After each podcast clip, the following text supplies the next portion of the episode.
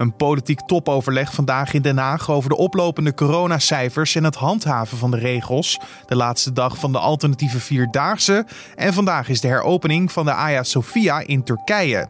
De toeristische trekpleister is omgebouwd van museum naar moskee. Experts zagen dit als een troef van de Turkse president Erdogan om zijn achterban weer voor hem te winnen. Hij hield rekening met een stroom aan kritiek. Maar kwam dat er ook? Dit wordt het nieuws. Waarschijnlijk hadden ze gerekend op een lekker uh, robbertje politiek modder gooien.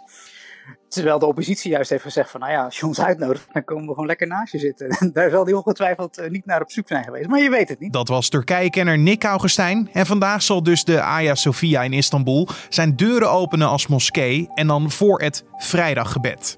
Het bouwwerk maakt deel uit van UNESCO's werelderfgoedlijst en wordt ook wel als het symbool van de grote stad gezien. Waarom deze openingsdag zo beladen is en waarom Erdogan op meer ophef hoopte, hoor je zo. Maar eerst kijken we kort naar het belangrijkste nieuws van nu. Mijn naam is Carne van der Brink en je luistert naar de Dit wordt het nieuws podcast voor vandaag eh, vrijdag 24 juli omdat veel Nederlanders vakantie in eigen land doorbrengen, verwacht de ANWB dat het vandaag al druk kan worden op de Nederlandse wegen. Maar ook in Duitsland en Frankrijk wordt het zaterdag langzaam rijden of stilstaan op de wegen. De ANWB denkt dat in de loop van vrijdagochtend al de eerste files ontstaan die aanhouden tot het einde van de middag. Vooral op de wegen in het oosten en zuiden van het land worden flinke vertragingen verwacht. Zaterdag verwacht de ANWB opnieuw veel files in Nederland door recreatieverkeer en die diverse werkzaamheden. Weggebruikers moeten vooral rekening houden met vertraging op de A1 in beide richtingen tussen Hengelo en Amersfoort, op de afsluitdijk en op de A12 tussen de Duitse grens en Utrecht. Ook de wegen in Zeeland zullen extra druk zijn. Diverse gezondheidsexperts vinden dat het kabinet binnen drie dagen nieuwe maatregelen moet nemen om een tweede coronagolf te voorkomen. Dat schrijven zij in een brief van de premier en de minister van Volksgezondheid. Zo meldt Nieuwsuur die de brief in handen kreeg. Minister Hugo de Jonge stuurde dinsdag een brief naar de Tweede Kamer, waarin hij onder meer schreef dat hij diverse experts had uitgenodigd om mee te denken over verbeterpunten mocht een tweede coronagolf zich aandienen. De ingewonnen adviezen wilde hij vervolgens in september naar de Tweede Kamer sturen. Vier door de minister genoemde experts zouden echter niet tot het najaar willen wachten en stelden een brandbrief op. In de brief staat dat de deskundigen een urgente dreiging voor de volksgezondheid waarnemen. De snelle progressie van het aantal gerapporteerde gevallen vraagt eveneens om snelle actie, schrijven zij. De Republikeinse conventie in augustus in Florida gaat niet door vanwege de toenemende coronabesmettingen in de Amerikaanse staat. Dat maakte president Donald Trump bekend tijdens een persconferentie. De reeks evenementen in Jackson in Florida waren gepland vanaf 24 augustus, waarbij Trump officieel zou worden aangewezen als de officiële presidentskandidaat voor de Republikeinse Partij voor de verkiezingen van november. Een kleine delegatie van de Republikeinse Partij komen nu vanaf 24 augustus bij elkaar in Charlotte, de plek waar de conventie oorspronkelijk gehouden zou worden. Het programma zal worden uitgekleed en de meeste gedelegeerden zullen virtueel aanwezig zijn en online hun stem uitbrengen. Gemeente en het Rijk doen te weinig aan het onderhoud van rijkswegen, fietspaden en viaducten. En daardoor neemt de kans op ongelukken toe. Die waarschuwing geeft Maxime Verhagen van Bouwend Nederland in een interview met het AD. De situatie wordt met de dag ernstiger. Gemeenten bezuinigen al jaren op het onderhoud van de infrastructuur vanwege geldgebrek. Het is een tikkende tijdbom. De verslechtering gaat geleidelijk, maar veel viaducten en tunnels lopen tegen het einde van hun levensduur. Al dus de voorzitter van Bouwend Nederland. De organisatie pleit ervoor dat het Rijk de gemeente 1 miljard euro per jaar extra geeft voor onderhoud. 1,4 miljard per jaar zou gebruikt moeten worden voor achterstallig onderhoud van de Rijkswegen. En dan gaan we het hebben over een zeer beladen heropening vandaag in Istanbul. De deuren van de Hagia Sophia zullen vandaag weer open gaan als moskee en dan specifiek voor het vrijdaggebed. Het bouwwerk met de enorme koepel en zijn vier minaretten was oorspronkelijk gebouwd als Grieks-orthodoxe kerk. Toen het Ottomaanse Rijk de stad Constantinopel, het hedendaagse Istanbul, veroverde in 1453, werd de Hagia Sophia in gebruik genomen als moskee. Vele eeuwen later kreeg het bouwwerk weer een andere functie, namelijk als museum. Tegenwoordig staat de Hagia Sophia op de UNESCO Werelderfgoedlijst. Begin juli hadden we ook al een podcast gemaakt over de vraag of de Hagia Sophia weer een moskee mag worden. Want dit is al heel lang een wens van conservatieve Turken. Twee weken geleden kregen ze dan eindelijk groen licht van de hoogste rechtbank van het land. Waarom was een verandering nodig of gewenst? En was dit belangrijk voor het Turkse volk of voor zijn president? Dat vroeg ik aan Turkije-kenner Nick Augustijn. Ja, ja, nodig, dat is natuurlijk nog een, een twistpunt. Alleen het was wel duidelijk dat de achterban van Erdogan wel een beetje een impuls kon gebruiken om, uh, zo, oh ja, om de rijen maar weer eens even te sluiten. En, uh, want ja, de, de economie sputtert. Het gaat economisch slecht met het land. Erdogan ziet zijn, um, ziet zijn kiezers um, weglopen dan wel uh, afzijdig blijven. En dat zie je terug in, in de peilingen. Zijn, zijn, uh, de populariteit van de partij uh, loopt terug in mindere mate ook voor zijn persoon. En ja, dan is dit een uitgelezen moment natuurlijk om ehm, ja, iedereen weer eens eventjes eh, ja, iets voor te schotelen, zeg maar. Ja, want de Turkse president was een groot voorstander van dit plan. Maar was dit alleen maar politiek gedreven of sprak hij misschien ook uit zijn hart? Ja, ja een combinatie van beide. Erdogan zit natuurlijk in het kamp die dit al... Um, ja, als een groot onrecht zagen en een fout die, die rechtgezet moest worden. Hè? Die, die omzetting van een uh, moskee naar een museum, um, nu 86 jaar geleden. En ja, de, de, politicus Erdogan, die was altijd een beetje terughoudend. Hè? Die zei eigenlijk, sterker nog, vorig jaar nog, dat, het, uh, dat hij niet in de val zou trappen om uh, de Hagia Sophia uh, tot moskee om te bouwen. Want ja, dat zou tot een grote internationale backlash leiden die het land niet kon gebruiken. Want, en bovendien stonden er ook en staan er genoeg moskees naast waar de mensen naartoe kunnen. Maar ja, wat ik net al aangaf, het, het zit nu tegen. Dus ja, dan, dan moet je iets doen. En uh, ja, hij heeft er nu voor gekozen deze troefkaart uit te spelen. Dus natuurlijk, hij was een voorstander. Um, maar ja, hij zat natuurlijk nu ook wel hij had een punt bereikt waarop ook de politicus Erdogan overstag moest. Want hij heeft ook geen tijd verspild. Want na de uitspraak van de Raad van State tekende Erdogan meteen een decreet om de status van het gebouw te veranderen. En twee weken later, vandaag dus, moet het vrijdaggebed er plaatsvinden. Um, waarom zoveel haast? Ja, er zijn een aantal redenen. Allereerst omdat uh, nou, in, de maand juli viert uh, het nationalisme sowieso al een beetje hoogtij. Want uh, dit is de maand waarin de, de de staatsgreep van 2016 mislukte. Waar eh, de bevolking na de oproep van, eh, van Erdogan naar eh, ja, de straat op ging. En de, de, de, de staatsgreep tot, een, tot een halt bracht. Uh, voor de andere reden moeten we toch even wat dieper de geschiedenis in. Aan het einde van de Eerste Wereldoorlog uh, behoorde het uh, toenmalige Ottomaanse Rijk tot de verliezers. Dus dat land werd eigenlijk opgedeeld door middel van het verdrag van Sèvres in een aantal invloedssferen. Hè, de Britse invloedssfeer, Franse, Griekse en wat dan niet meer. Dat zette de, de onafhankelijkheidsoorlog onder leiding van Mustafa Kemal Atatürk in gang. En dat resulteerde twee jaar later, ja, je voelt hem al aankomen, op 24 juli in het uh, verdrag van Lausanne. En daar, uh, daarmee werd eigenlijk Turkije zoals we dat nu kennen goed deels op de kaart gezet. dus dat is een beetje een knipoog naar hè, dat, dat, dat, dat belangrijke momenten in de geschiedenis. Tegelijkertijd is het ook een beetje een steek onder water naar juist de mensen die, uh, ja, die de, de, de, republikeinse seculiere geschiedenis aanhangen. Want uh, ja, het denken over dat verdrag van Lausanne dat heeft een beetje een kantelpunt bereikt. In dat men, met name Erdogan en de zijnen, tegenwoordig vinden dat men zich uh, destijds eigenlijk tekort heeft gedaan. En um, hiermee geven ze eigenlijk, met die opening van Hagia Sophia, geven ze ook een beetje weer van ja, kijk, dat zal mij niet overkomen, want ik ben in feite veel machtiger ik doe dit en uh, de wereld uh, moet het maar slikken. Ja, het is dus een beladen dag, maar ook onderwerp. Uh, de president sprak zich namelijk ook gelijk uit tegen eventuele boze tongen. Want als iemand kritiek had op dit besluit, dan vallen ze de onafhankelijkheid van het land aan. Al dus Erdogan. Heeft deze boodschap gewerkt of is er toch veel ophef gekomen? Um, nou, ik denk dat als we mee mogen kijken bij het, uh, bij het team rondom Erdogan, dat ze stiekem wel een beetje teleurgesteld zijn. Want ja, je, je kan me niet aan de indruk onttrekken dat ze toch hadden gehoopt op een um, ja, hoop internationale verontwaardiging waar ze dan zich lekker tegen konden ageren. Misschien hadden ze zelfs wel verwacht dat de oppositie de straat op zou gaan hè, uh, met, met, met grote marsen.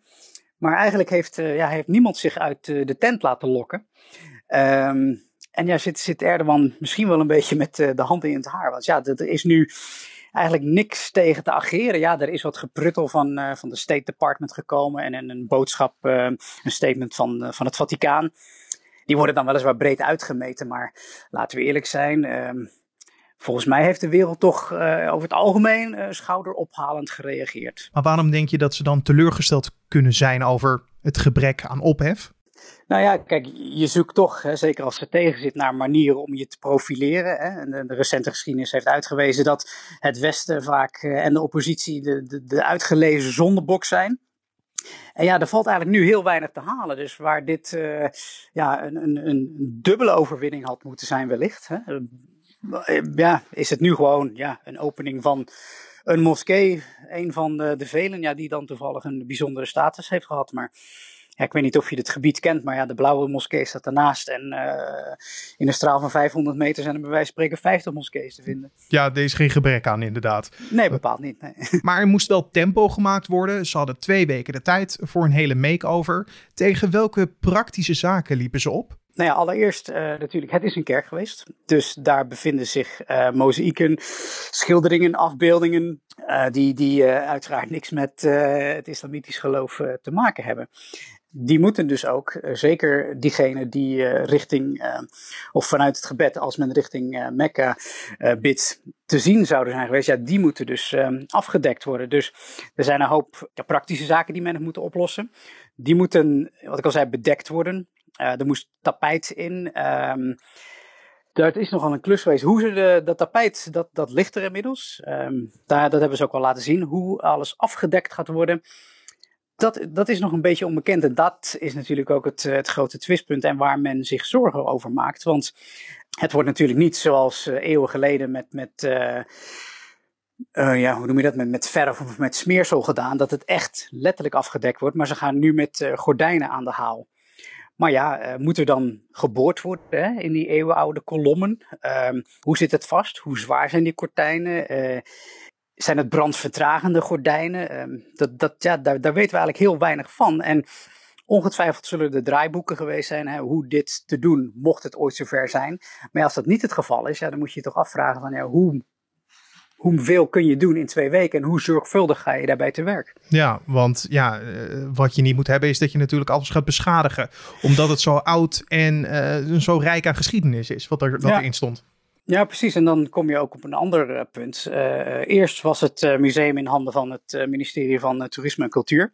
Het is nu overgedragen aan de, de, het DIANET, het, het, religieuze staatsorgaan. Dus het personeel, dat verandert ook van museumpersoneel naar ja, religieus gescholden werknemers of ambtenaren, moeten we eigenlijk zeggen. Mm ja, hebben die dezelfde expertise over hoeveel mensen ze op bepaalde plekken kunnen uh, toelaten?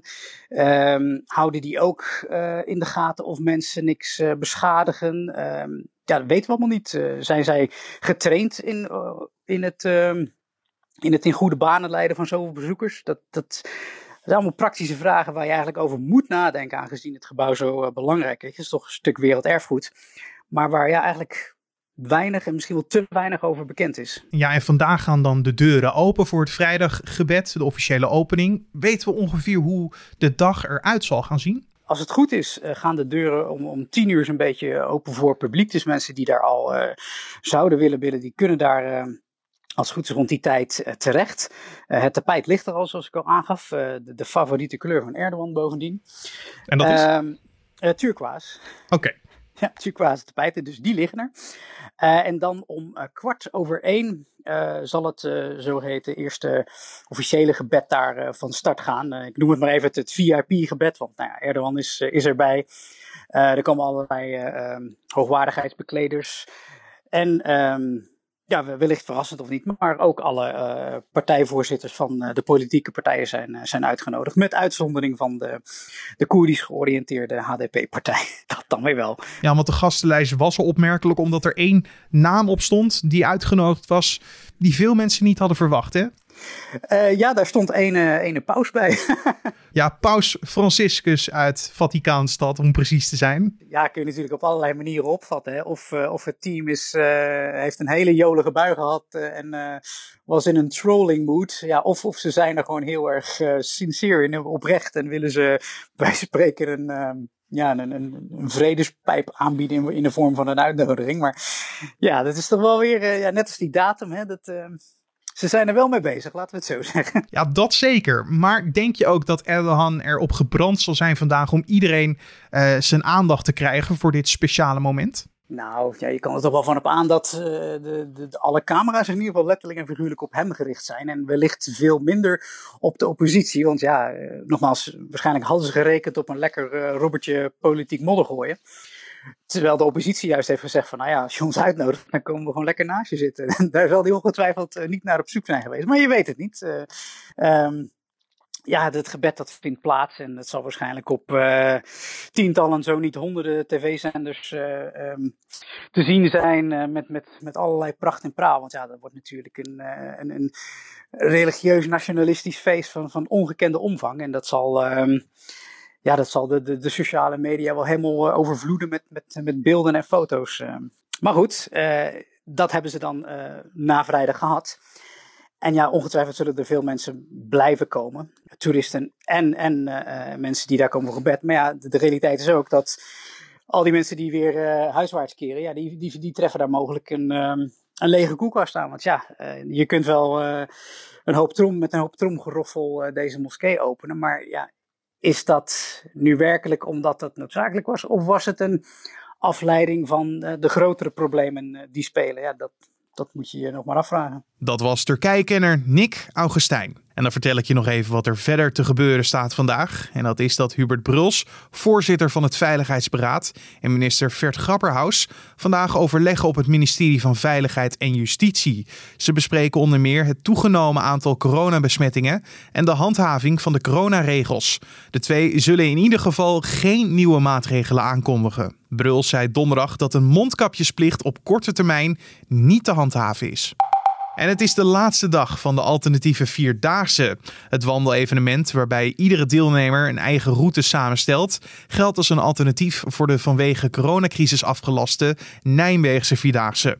De bijna 20.000 deelnemers lopen dit jaar dagelijks een afstand van 10, 20, 30, 40 of 50 kilometer. En als jij hier aan meedoet, veel succes en ik maak zeker een buiging voor je. En dan nog even het weer. De vrijdag begint bewolkt, waar af en toe lichte regen uitvalt. In het oosten en zuidoosten kan het tot in de middag gaan regenen. Maar vanuit het westen breekt de zon weer vaker door. De middagtemperatuur is in het Waddengebied en aan de kust zo'n 18 graden. In het zuidoosten kan het 22 graden worden. De wind komt uit het westen en is matig. En ook zaterdag is het bewolkt met af en toe regen. Zondag laat de zon zich wel wat vaker zien. En dan zijn we alweer terechtgekomen in de slotfase van deze podcast voor de vrijdag 24 juli. Vanmiddag zijn we natuurlijk gewoon weer terug met een verse Week van Nu podcast. Die kan je in dezelfde feed als deze vinden. Wat is dat? Nou, eigenlijk gewoon heel simpel onze openbare redactievergadering. Daarin gaat de hoofdredacteur van Nu.nl in gesprek met de redacteuren van Nu over het belangrijkste nieuws van deze week. Wil je daar naar luisteren? Het kan, het is gratis en er staat vanmiddag gewoon voor je klaar op de voorpagina van Nu.nl en dus in dezelfde feed als deze in je favoriete podcast-app, zoals een Spotify, Apple Podcast of Google Podcast. Heb je nog vragen voor ons of suggesties, eh, feedback die wij kunnen behandelen in de Week van Nu podcast? Stuur die dan nog snel op via podcast.nu.nl. Podcast.nu.nl. Dat is ons mailadres en wij zullen alles voor vanmiddag verzamelen. Mijn naam is Carne van der Brink. Ik wens je een hele mooie dag en ook een mooi weekend.